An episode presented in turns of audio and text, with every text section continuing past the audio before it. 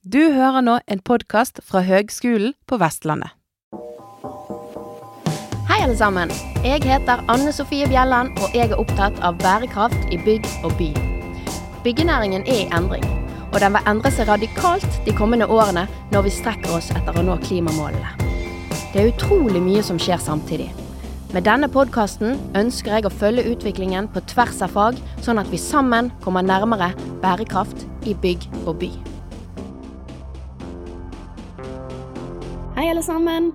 Som de fleste av oss har begynt å kanskje akseptere og innse, så går vi våtere, varmere og villere vær i møte. Og dette er jo vær som byggene våre skal tåle å stå ute i. Og det krever kanskje litt mer av av byggene våre, og ikke minst eh, teknologien i hvordan vi bygger byggene våre, og ikke minst vedlikeholder de. Vi har store fagmiljø på dette området i Norge, og eh, to av de slår seg sammen og arrangerer nasjonalt fuktseminar hvert år. Og der har jeg vært. Det var Mykoteam og Sintef som arrangerte. Utrolig mye interessant eh, å lære. Og det var fokus på både fuktproblematikk i tre og i mur. Så derfor så har jeg hatt meg en prat med to av innlederne som, som holdt innlegg på denne dagen, da. Camilla Sandem Deli fra WSP og eh, Mari Sand Austigard fra Mykoteam. Hallo, Mari og Camilla. Hei. Hei, hei. Først må jeg si tusen takk for at dere begge to har tid til å prate med meg i dag. Eh, før vi liksom går i gang med å prate skikkelig, så må vi begynne med, med deres bakgrunn. Eh, og litt om rollen dere har i dag, og hvor dere er, osv. Så, videre. så kanskje vi kan begynne med Camilla? Ja, jeg er da Camilla Fandem Deli. Jeg jobber som eh, avdelingsleder i VSP Norge i Oslo. Og har ansvaret for tolv stykker som holder på med rehabilitering av eldre bygninger. Bakgrunnen min er Jeg er geolog i utgangspunktet. Så har jeg jobbet med kalkmørtel og mur helt siden 2005, så det begynner å bli ganske mange år. Og jobber hardt for eh, fuktsikre bygninger. Veldig, veldig bra. Og du Mari? Jo, jeg heter Mari Sand Austegard. Jeg er eh, seniorrådgiver, heter det så fint, i Mykoteam. Mykoteam driver med skader generelt i hus.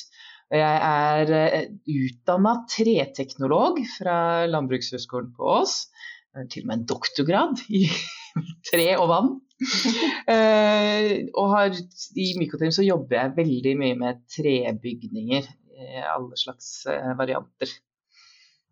Veldig, veldig bra.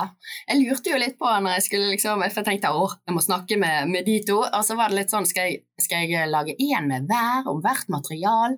nei, vi må kjøre dette sammen. For det er jo også litt eh, når materialer møtes, at det blir litt ekstra spennende. Så, mm. men, men, men, vi kan begynne med materialet hver for seg, da. Så hvis vi begynner med, med, med tre, altså hva, eh, hva, er viktig at vi vet om tre som et byggemateriale? Hva er liksom eh, basics, viktige tekniske egenskaper? Det absolutt basics. Ja, altså, tre er jo et veldig eh, morsomt tremateriale, og det er et veldig gammelt tremateriale. Vi har brukt det siden, altså, siden før vi har eh, historie, historisk materiale. Eh, men, og det er ikke noe rart, fordi treverk er eh, altså Trærne er veldig snille. De lager et materiale som de bare lager for å leve, på, leve med, men som vi kan bruke i hus. og Det er fordi at det er eh, veldig lett i forhold til styrken. Det er veldig lett å bearbeide. Eh, og nå i det siste så har vi jo fått inn det at det er klimavennlig. Det lagrer karbon, og det er veldig lite karbon forbrukt i eh, produksjonen. Eh, men altså, det er noen ting man er nødt til å vite om tre da, når man skal bygge med det. Og en viktig ting er at det, er ulike egenskaper. For det er et biologisk materiale. Det er ikke noe vi har lagd, det er noe trærne har lagd. Dermed er hver trebit unik, egentlig. Og så er det noen egenskaper som er ulike fra treslag til treslag, og så er det noen egenskaper som er ulike fra uh, trekvalitet til trekvalitet. Du har kjerne ved yteved og sånne ting, og så har du høy og lav densitet ut, ut fra hvor godt trærne har hatt det når de vokste. Uh, og så har du ulike egenskaper i ulike retninger i veden. Først og fremst forskjellen på lengderetning og på tvers. Eh, der er det ganske store forskjeller, både styrkemessig og i forhold til fukt og sånn. Mm, mm. Eh, og apropos det, så er det jo det at sant, trærne skal frakte vann. Skal, altså, trær kan bli 100 meter høye, de aller verste. Og de skal frakte vann fra røtter til blad. Dvs. Si at trestrukturen er veldig egnet for å frakte vann gjennom.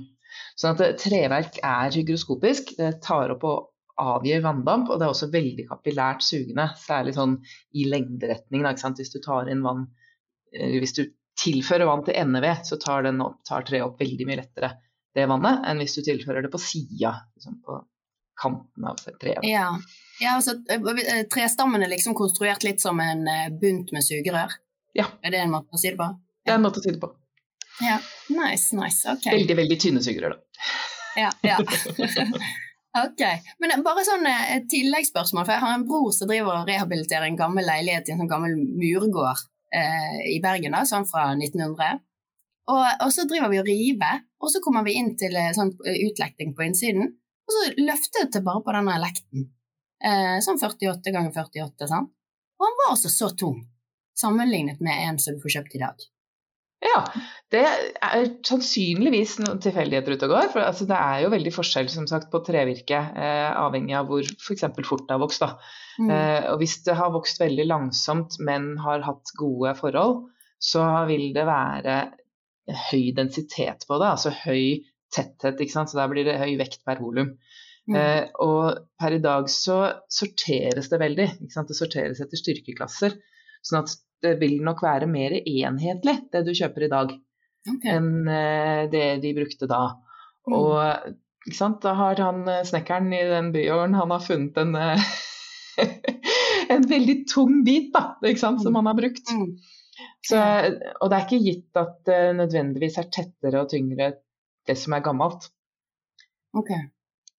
Men det som er tettere, har kanskje litt bedre motstandsdyktighet mot fukt? Det kan det ha, men eh, det er heller ikke entydig. Men altså, jo langsommere et tre har vokst, desto større kjernevedandel har det per diameter. Okay. Fordi kjernevedandelen utvider seg med et gitt antall årringer i året. Og dermed så hvis du på en måte har eh, en, en diameter som, er, som har kommet over lang tid, så vil det være mange av de ringene som har blitt kjerneved. Mm. Sånn at eh, da vil det være, i hvert fall når vi snakker om gran og furu, så vil eh, den kjerneveden den vil ta opp vann dårligere enn det yteveden vil gjøre. Og da, det vil jo si at det er større sjanse for, da, i en tettvokst eh, stamme, at du får ut en bit som er kjerneved. Mm. Ikke sant? Og da, da vil jo eh, vannopptaket være mindre. Skjønner, skjønner. Um, OK, skal vi si oss fornøyd med tre? Og så ta litt uh, mer. jeg kan snakke et år om tre! ja, jeg vet det. Jeg vet. Det blir mer, Mari. Det blir mer. OK. Uh, mur. Uh, hva, altså, da, der når jeg tenkte på det spørsmålet, så ble jeg litt sånn Ja, OK, men hva mener vi med mur? For det, Jeg tenkte umiddelbart tegl, selvfølgelig. Sant? Men hvilke mm. andre typer mur snakker vi? Det er et Hvor mange, mange timer har jeg på meg? Det er litt det samme som Mari her. Altså, sånn er det når man setter to sånne eh, nerder eh, sammen. Mari og jeg, Vi må jo si at Mari og jeg vi har vært på tur sammen før, så vi har snakket mye om materialene våre i kombinasjon. Men når vi snakker om mur, eh, så er det å bruke murstein eh, murblokker på en eller annen måte for å bygge en konstruksjon. Og disse murblokkene kan ja, selvfølgelig være tegl, men det er jo en litt mer holdt på å si, moderne uh, variant, hvis vi kan kalle det. Mens helt fra begynnelsen av så brukte vi jo steinblokker også til mur.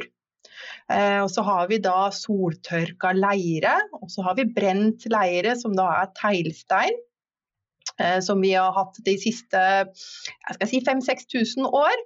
Eh, og så har vi da mer moderne materialer, spesielt de siste 100 årene, hvor vi har eh, betongstein, vi har eh, leka. Vi har kalsiumsilikatblokker, altså det som vi kjenner som Siporex og porebetong. Og det er egentlig all stein som vi kan stable, enten med mørtel imellom for å lime det fast, eller uten mørtel. Og det er det mur. Og da kan vi bygge alt fra slanke konstruksjoner og opp til murkonstruksjoner som er flere meter tjukke, avhengig av hva det skal være.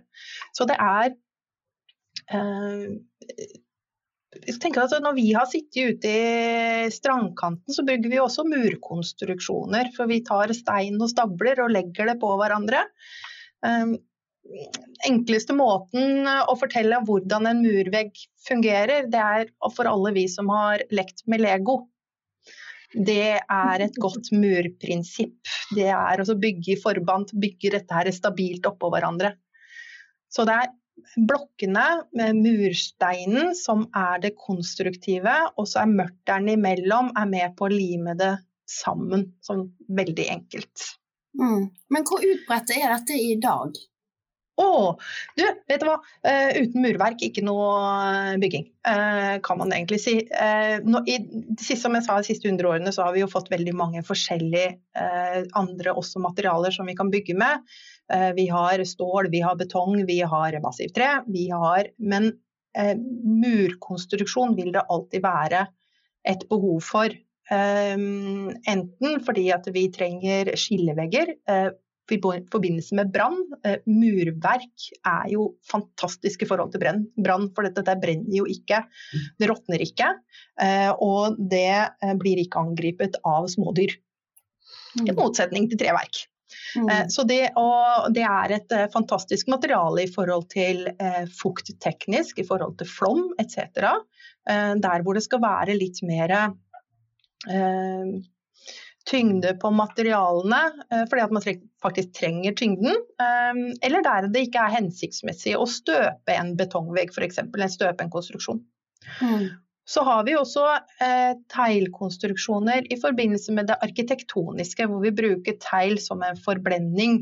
Eh, og istedenfor eh, å bruke platematerialer istedenfor å bruke eh, tre, eh, treplanker. Eh, Enten fordi at vi vil se teglen, eller at vi ønsker en pussete overflate. Så det er Selv om vi kan si murkonstruksjoner var det mest utbredte byggemetoden, tror jeg, fram til eh, 1920. Hvis vi ser på de store, ikke i Norge, men i det store og hele, så er murkonstruksjoner det mest eh, utbredte byggemåten i hele verden fram til begynnelsen av 1900-tallet, kan jeg tenke meg. Mm. Så Men ja, det, blir, det, er mye mur i dag også. Det er det. Og så må vi ta med det at dette er jo nesten evigvarende. Vi mm. har jo murkonstruksjoner i Norge som er over 1000 år gamle. Vi har murkonstruksjoner i verden som er 5000-6000 år gamle. Og det er jo det, den fantastiske evigheten med dette naturmaterialet som bare brytes ned av klima, av været vårt, og ikke noe annet. Mm. Kan du si litt om hvordan været truer eh, murkonstruksjoner der? Eh, det som er, Jeg sa jo at eh, mur og steinmaterialer de brenner ikke og råtner ikke og blir ikke angrepet av smådyr. Mm. Det som er problematisk med mur, det er vann. Mm. Det er fukten. Det er det største problematikken. Og det er fukt som enten kommer fra grunnen, som blir sugd opp i murverket. Det kan være fukt pga. regn, slagregn. Og så har vi damptrykk innenfra også. Ehm, så det er den der fukten eh, som er, spesielt i Norge, som er problematikken. Og da snakker vi om eh, Vi bor jo i Norge, og dere som holder til i Bergen, dere har mye regn. Dere har regn 100-150 dager eh, i løpet av året, sammenhengende. Eh, så når fukten kommer inn i murverket og det ikke får muligheten til å slippe ut, og så har vi fryse-tine-prosesser, som det også er mye av i Bergen, eh, mm. så fryser jo dette vannet. Vannet utvider seg når det fryser, og hvis vi ikke har frostbestandige materialer, eller at det blir for mye fukt, så sprenger det i stykker murverket. Og det er det som er den største problematikken i forhold til mur. Mm. Eh, så det er jo regnsikkert og fuktsikkert, vi må bare ha detaljene rundt som gjør at vi får kontroll på den fukten som påvirker murverket. Skjønner, skjønner. Ok. Men, men da, nå har vi jo vært litt inne på det, da, men, men kan dere gi noen eksempler fra deres daglige virke i forhold til skader knyttet til disse materialene. Mari, har du lyst? Ja. Ja, det, det, kan jeg jo gjerne. Det, det, er jo det jeg driver med til daglig. Og, altså, I likhet med murverk så er det jo stort sett vann som, som er måte årsaken til de, de, skadene som vi også ser, uh, også i trevirke. Altså, det dreier seg på en eller annen måte om tilførsel av vann. For tre råtner jo heller ikke hvis det er tørt. Mm. Eh, men hvis det blir vått og ikke får lov å tørke opp igjen, så kan det oppstå muggsoppvekst, det kan oppstå råte, og det kan komme insekter.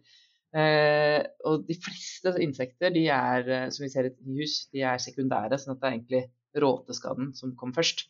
Men enkelte klarer seg også uten, da. Altså, husboken er spesiell sånn, f.eks. Men mm.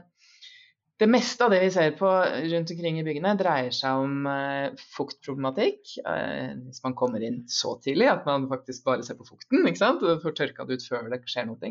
Uh, og så er det mugg som kommer først, hvis det fortsetter å være fuktig. Og over lang tid, og da snakker vi sånn måneder, kanskje år, så er det råte. Det, er, både mugg og råte er sopper, bare litt forskjellige typer sopper som forårsaker altså Mugg er en sånn overflateting, så det er først og fremst en eh, helsemessig problematikk for oss. At det, er, eh, det tilfører ting til inneklipa som ikke vi vil ha. Mens råtesoppene de er veldig spesialiserte på å bryte ned trevirke. Så de kan jo gi problemer med bæreevnen i trematerialene, rett og slett. Mm. Men, men der må jeg bare spørre, fordi at eh, eh, vi har jo forskjellige typer råte. Og da er det en som heter tørråte, er ikke det? Men er den også grunnet fukt? Eller? Ja, Tørråte er direkte oversatt dry rot fra engelsk. Eh, og dry rot er eh, så Altså, det er jo en sånn populær eh, navn på en ting, men eh, det er sånn for det meste omtalt ekte hussoppskader. Og ekte husopp er en soppart som lager Som er fryktelig effektiv. Den er veldig, veldig godt tilpassa boliger. Og særlig da boliger hvor du har kombinasjonen av tre og kalkholdig mørtel. Ikke sant? Sånn at du har de der litt sånn gamle murkonstruksjonene med tre mm. etasjer eller noe sånt. Da er ekte husopp veldig godt tilpassa det. Mm. Den, vi har vel eh, Sannsynligvis så vet man om den, eller den er omtalt tror man. Det er ikke så godt å si, for de hadde jo ikke DNA-teknikker og sånt, men måten de snakkes om, da, er gjenkjennelig. Eh, F.eks. i en passus i Bibelen. Eh, og man antar at den kom fra Østen fordi at man kjenner den i sånn vill tilstand i, ved foten av Himalaya. Oi. I sånn skog, skogområder der, på skogbunn. Og så regner man med den kom Silkeveien, og så er den kjent i murbyene i Europa fra i hvert fall 1700-tallet. Mm. Og den ble omtalt i en sånn eh, noen uh, publikasjoner om uh, skader i bygninger i Oslo på sånn 1800-tallet en gang, som en av de mm. virkelig store skadeårsakene. Okay. Wow, ok, så den har lang historie. Den har jo fått sin egen forsikring òg, så jeg tenker den, eh, det må jo være liksom kongen over alle sopper. Den er kongen over alle råtesopper, i hvert fall inni ja. Veldig bra. og, og engelskmennene kaller den altså dry rot, men dry rot er et veldig sånn u... Eh, altså, tørråte er et sånt nokså upresist navn, da. Det er ikke egentlig et artsnavn, det er, eh, det er på en måte en beskrivelse av noe. Eh, fordi den er en sopp som kan leve ved sånn cirka altså litt fuktighet. Ikke så veldig mye fuktighet. Okay. Ikke sant? Sånn at det, det, oppleves som eh, at det er ganske tørt, eh, men mm. så kommer det råte likevel. Det, det, betyr at fuktigheten er der, men den er ikke så voldsom som enkelte andre sopper trenger. Ok, ok. Skjønner. Men, men, du har jo jobbet en del med tømmer og eh, tømmerkonstruksjoner og tømmerhytter. Kan ikke du fortelle litt om det? Jo, jo, jo. Ja, altså, det er jo noe av det ikke sant? det vi driver med er jo ofte enten skikkelig gamle bygg eller helt nye bygg, for da får man reklamasjonssaker og sånn. Eh, og noen av de eh, på en måte nye, men med gammel byggeteknikk eh, som begynner å komme nå, er jo interessante. Fordi det er altså en god del sånne loftehytter, hvis man kan kalle dem det. som blir satt opp med god utsikt. Så de, de står da oppe på fjellet i veldig værpåkjente områder. Og de bygges i gjerne to etasjer, og de bygges med veldig mange takvinkler. Det skal være flere fløyer og sånn. Så det blir veldig store bygninger. De får et veldig værfang. Og så er det jo lafta vegger ofte i disse, hvor de liksom skal være de, de skal se tradisjonelle og fine ut, ikke sant. Mm. Uh, og da får du en eh, effekt av at været står så voldsomt på at det de store dimensjonene med treverk som du har der, rekker ikke å tørke mellom hver regnskur. Mm. Eh, fordi at det er så mye vindblåst regn, ikke sant? sånn at du får veldig mye vann tilført i veggene. Og så er det jo litt sånn kjølig oppå fjellet der og sånn, ikke sant? så det er ikke voldsomt god tørk nødvendigvis alltid. Og så vil du ende med å få akkumulert vann inn i de veggene. Hvis du i tillegg da, som mange gjør, har malt eller beisa de veggene med noe som blir ganske tett, så vil du jo også gi en ekstra brems da, for det vannet for å komme ut igjen. Mm. Så dermed så eh, får du enda mer den der akkumuleringseffekten. ikke sant?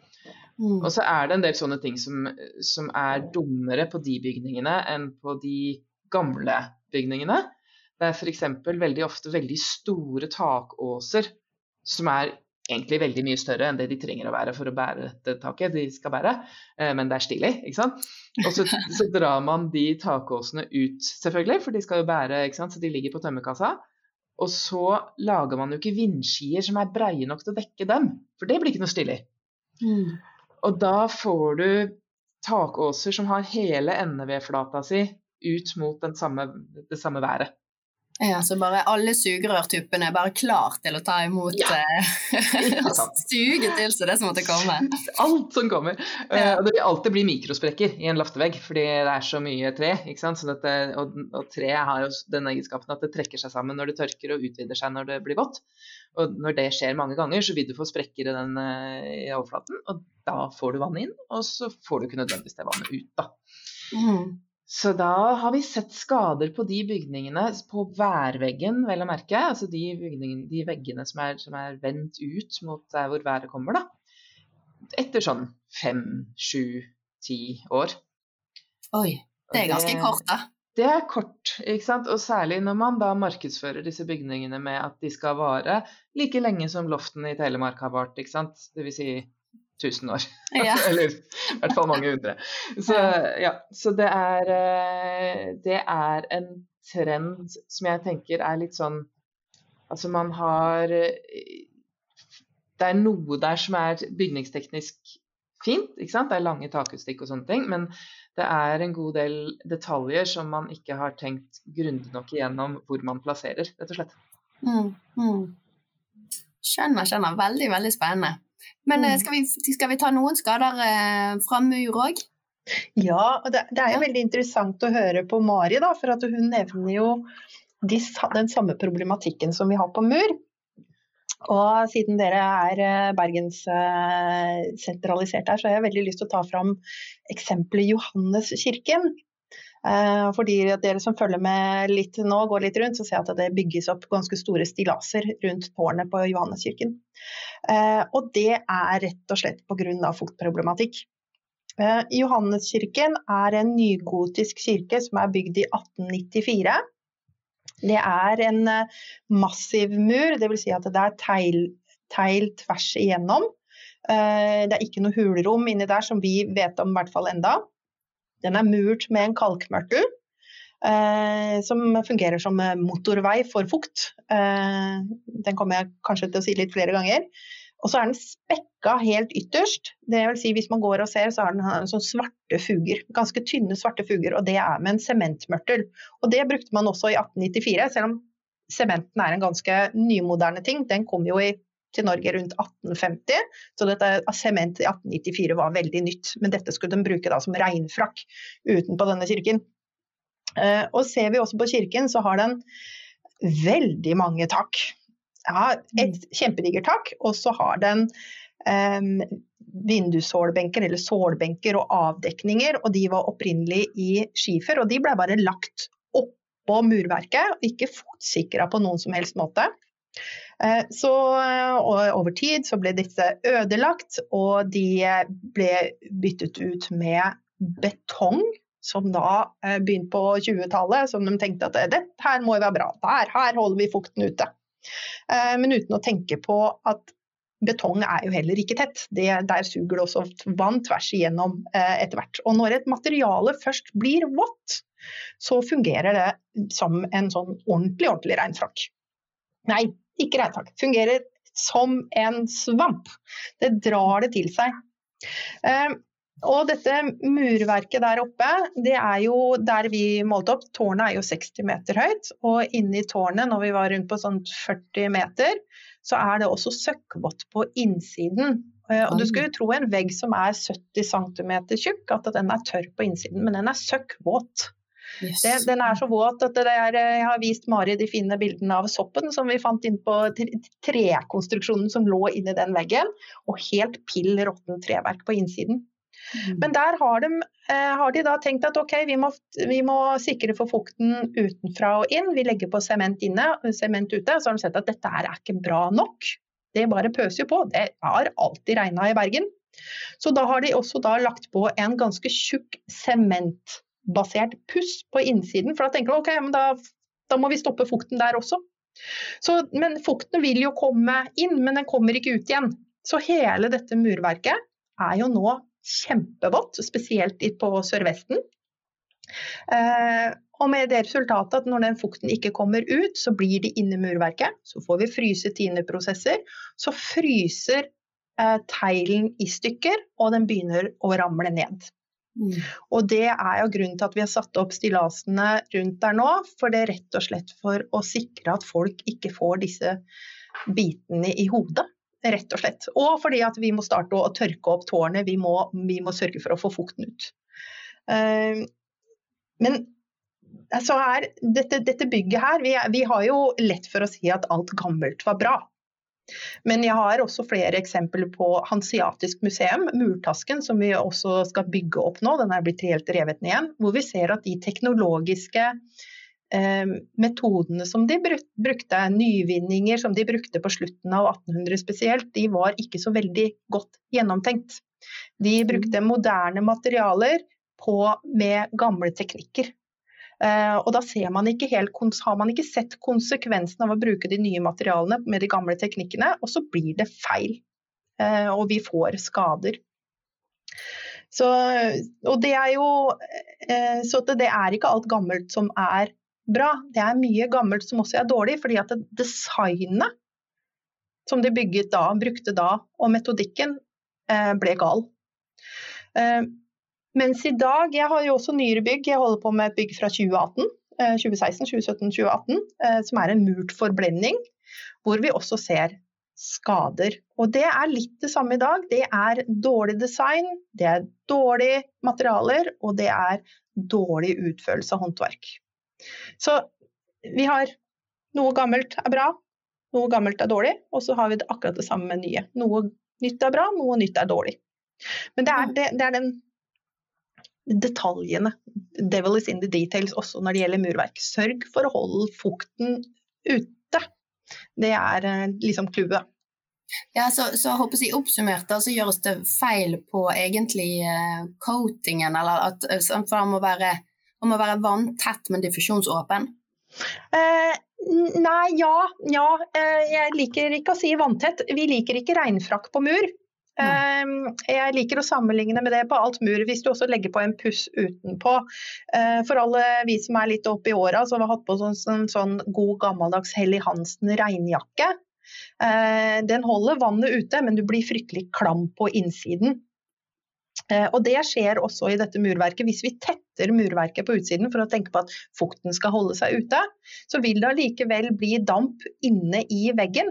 Og dette bryter ned kalkmørteren som er der, eh, samtidig som at det blir så stor fuktakkumulering at du får frostskader og at ting detter fra hverandre.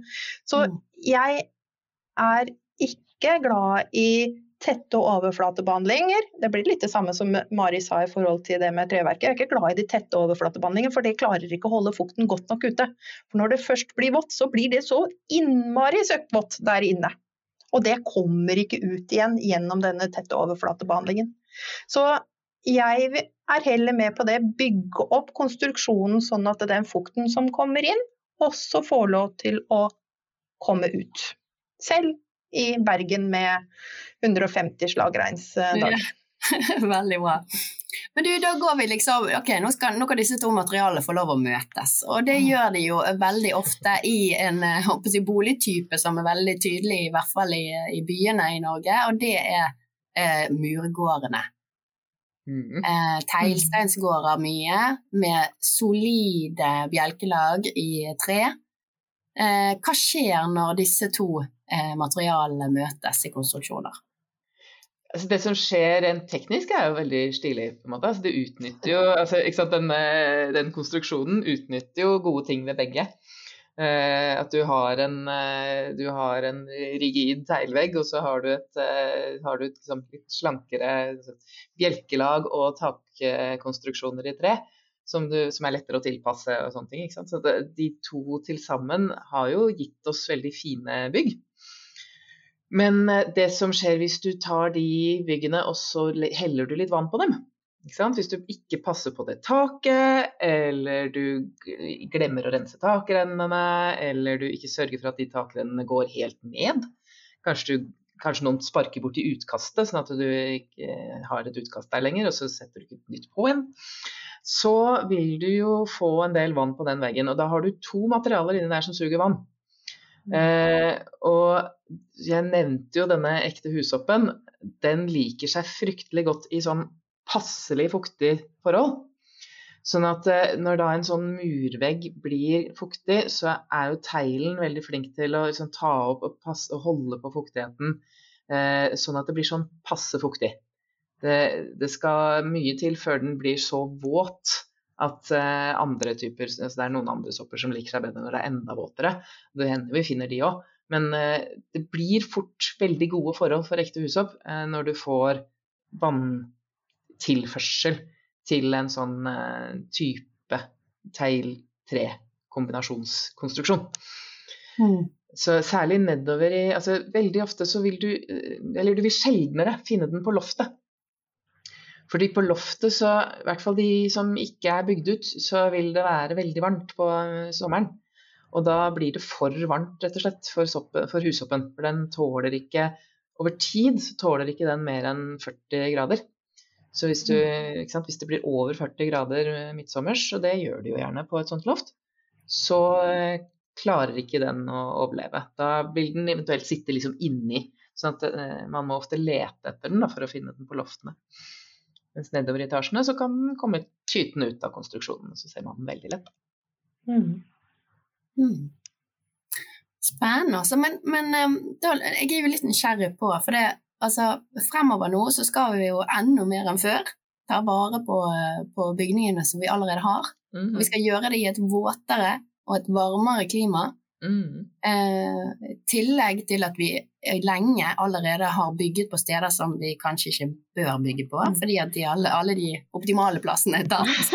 Så det er liksom ekstra værhardt der mange av byggene våre nå står eller oppføres. Og i eh, tillegg så bygger vi dem på så veldig utsatte måter. Ja. ja hva, for, for, forklar, Dårlige detaljer og Ja. Mm. Ja. ja, ikke sant. Det er, det er den der djevelen som sitter i detaljene. Altså. Det er mm. veldig mye i de senere arkitekturtrendene som på en måte gjør dette enda mer utfordrende. Mm. Fordi man skal ha, eh, man skal ha fasader som er si det, rene, på en måte. Altså du skal ikke Funksjonen skal på en måte ikke synes. Mm. Ikke sant? Mm. Det er, det er ikke i tiden å ha synlige takrenner. Det er ikke i tiden å ha takutstikk.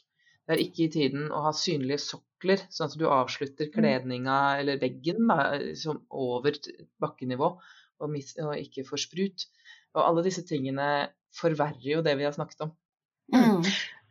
Men hva blir det da viktig å bygge kunnskap rundt da? Ja, Camilla? Ja, jeg, jeg, vil også dra den, jeg vil dra den litt videre. Jeg, jeg har jeg diskuterte dette med noen kollegaer tidligere i dag også, for jeg har hatt et seminar tidligere i dag om akkurat det samme temaet. Og da vi, da kom det en arkitekt, og hun sier at litt av problemet er jo også den gjennom alle tidene, at den inspirerer, i hvert fall på murbygg, at den inspirasjonen vi har dratt med oss fra sørligere breddegrader, om at vi skal tilpasse arkitekturen til til sånn som vi ser nå nedover i Frankrike, Spania etc. Eh, og et godt eh, eksempel på det er funkisbygg. Eh, som skal være helt firkanta, uten beslag, uten noen ting. eller at man ser at jeg skal ha vært i Spania og sett et fint hvitt hus som er helt firkanta. Det, det, er murer uten noe avdekning på toppen. Og så tenker jeg dette er så fint, dette er så pent og stilig og stilrent, så dette vil vi ta til Norge. Og så tenker man faktisk ikke på at de byggene vi bygger i Norge, de må tilpasses norsk klima. Vi har eh, mye frost, vi har mye regn, vi har mye store variasjoner. Og vi vet at klimaet i Norge det blir bare våtere og villere. Eh, egentlig overalt. Og vi får slagregnsutsatte steder eh, i, hele i hele Norge. Og dette må vi ta hensyn til når vi bygger. Så det arkitektoniske designet er innmari viktig.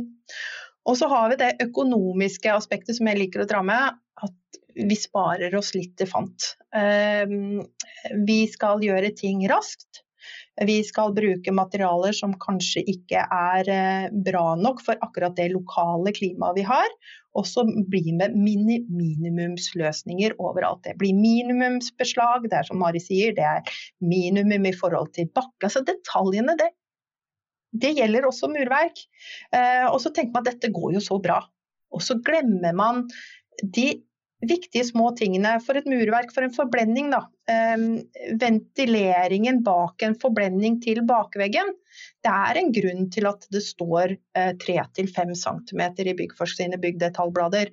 Det er en grunn til at det står at det skal være åpne stussfuger i bånn, og at vi skal ha parapetbeslag som går 10 cm ned og 2 cm ut. Det er fordi at vi vet at disse detaljene fungerer. Og da når man begynner å tenke at det er ikke så farlig, det er sikkert en sikkerhetsmargin i dette her. Når man begynner å tenke på det, da går det gærent. Så eh, ja, det, det, og det, det, ser vi også på, på, de nye tingene. Også. Dette her med raskt, raskt, raskt, raskt det, det, er et problem når vi bygger. Vi skal liksom løse alt på en gang. Så fort mm. som mulig. Mm. Ja, og med lavest mulig kostnad også mm. på arbeidsstokksida. Det tenker jeg er en viktig ting som vi er nødt mm. til, å, nødt til å sette litt fokus på. At man må faktisk bruke de pengene det koster å ha mm. folk som kan det de driver med. Eh, fordi da vil du også få den effekten at folk tar det lille steget tilbake og sier ja, men fungerer nå egentlig denne detaljen her, da? Eller mm. så, så, får man sant, Ofte får man kanskje ikke helt ferdigdetaljerte ting, og så må det løses ute på byggeplass. Og hvis du da ikke har folk som kan håndverket, så vil de ikke forstå nødvendigvis at den måten de velger å løse den detaljen på, som kanskje er en minimumsmåte, eh, den vil ikke fungere over tid. Mm. Mm. mm. Ja, så man må, man må både, altså Djevelen ligger i detaljene, man må detaljere de helt. Man kan ja. ikke skrive 'løses på plassen', eh, og man må, må lytte til, eh, til Byggforsk. Det, ja. Var det greit oppsummert? Ja, det var greit oppsummert. Eh, og, og, så er det, det rollen til rådgiveren. Da. Vi som er rådgivere selv, eh, vi ser det, altså, det å hvordan være en god rådgiver, og det å faktisk ha mot til å si at vet du hva, dette her fungerer ikke. Så jeg går ikke bare på prosjekteringen, men også se at vet du hva, stopp, her må vi gjøre noe, her, her, må vi endre noe, dette her kommer ikke til å fungere i praksis. Og ha mot til å stoppe et prosjekt. da når man ser at det går, denne detaljen fungerer ikke, og ikke bare la det skure. Vi har jo et ansvar som prosjekterende også, og som rådgivere.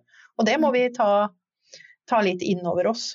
Eh, på akkurat samme måte som utførende har, at de har ansvaret for å gjennomføre de løsningene som er, de vet fungerer. Mm. Veldig, veldig bra. Um, men da jeg, uh, håper jeg, jeg jobber jo på byggingeniørutdanningen, så da må jeg jo spørre dere om dere har noen råd til de som skal ut og uh, bidra i morgendagens byggebransje? Mange. Ja. Ble, det ble litt sånn urolig sånn, ja, sånn, Hvor skal man begynne? Nei, altså, jeg tenker jo Pass på kvalitetssikringen, ikke sant. Mm. Eh, bruk de standardene og de anvisningene som fins. Hvis man eh, tenker utafor boksen, så ta med en voksen til å gjøre vurderingene, sånn at du er sikker på at du kommer i land på noe som vil fungere. Eh, pass på å ja, liksom, bruke den kunnskapen som fins, da. Og, og som, som, Camilla sier, sett en fot i bakken hvis det er noe du er i tvil på. Og ta med gjerne hvis, du, hvis, det er noe bygningsfysisk, da, så få med en bygningsfysiker. Mm. Eh, mm. hvis det er noe som går på eh, detaljløsninger, så snakk med noen som er erfaren med å detaljere mm. den detaljen du skal, skal borti. Og ikke minst detaljer ting helt ut. Mm. mm. Mm. Eh, og så vil jeg også si, um, for, for, vi som holder på med materialer, da. Eh, vi, vi, har, jo veldig masse materialleverandører som er faktisk innmari gode på det de holder på med. Så eh, mitt eh, triks til alt, tips til samtidig å støtte alt det Mari sier, eh, det er bygg et nettverk. bygg nettverk hos leverandører, bygg nettverk hos rådgivere, bygg nettverk for at du skal alt, kan alltids ringe en venn. For er, når dere kommer ut, så er det ikke tanken på at dere skal kunne alt med en gang. Det er en læringsprosess. Vi har jo holdt på med det vi holder på med nå i 25-30 år, så vi, det, er den samlet erfaring som vi kommer med. Da. Og jeg ivrer også for det som jeg kaller for trekantsamarbeid. Det er gå ut på stillas. Lytt på de håndverkerne har kjemperespekt for håndverkerne, for de kan bruke materialene. De har jobbet med dette hver dag, og de ser ting som fungerer, altså praktiske løsningene. Lytt til byggherren. Hva er deres ønsker, hva er deres behov? Og løs det på best mulig måte. Og din jobb som, som rådgiver eller som prosjekterende eller som byggingeniør, eh, du skal ikke ha løsningene, du skal finne løsningene.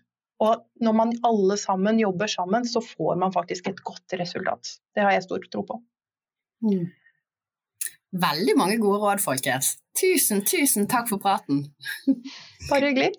Bare hyggelig. Sjøl takk. Ja. ja. Ha det godt. Ha det. Ha det. Utrolig interessant å høre på så kunnskapsrike mennesker. Og eh, de kom jo med veldig mange gode råd på tampen her, i forhold til eh, at det er i kombinasjon at de beste løsningene blir til. Hvis man har den der eh, håndverksfaglige kunnskapen med seg også i prosjektering. Jeg tror dette blir veldig viktig framover. Som sagt, prognosene sier det skal bli våtere og varmere. Vi har beregninger fra forskningsprosjektet Klima 2050 som sier at råterisikoen i store deler av landet kommer til å øke. Så eh, her har vi alle en jobb å gjøre med, med bygningsmassen som står der, men også det som prosjekteres da. Så får vi dra ut litt mer takustikk, folkens. Det er jo fint, det. Ha det godt!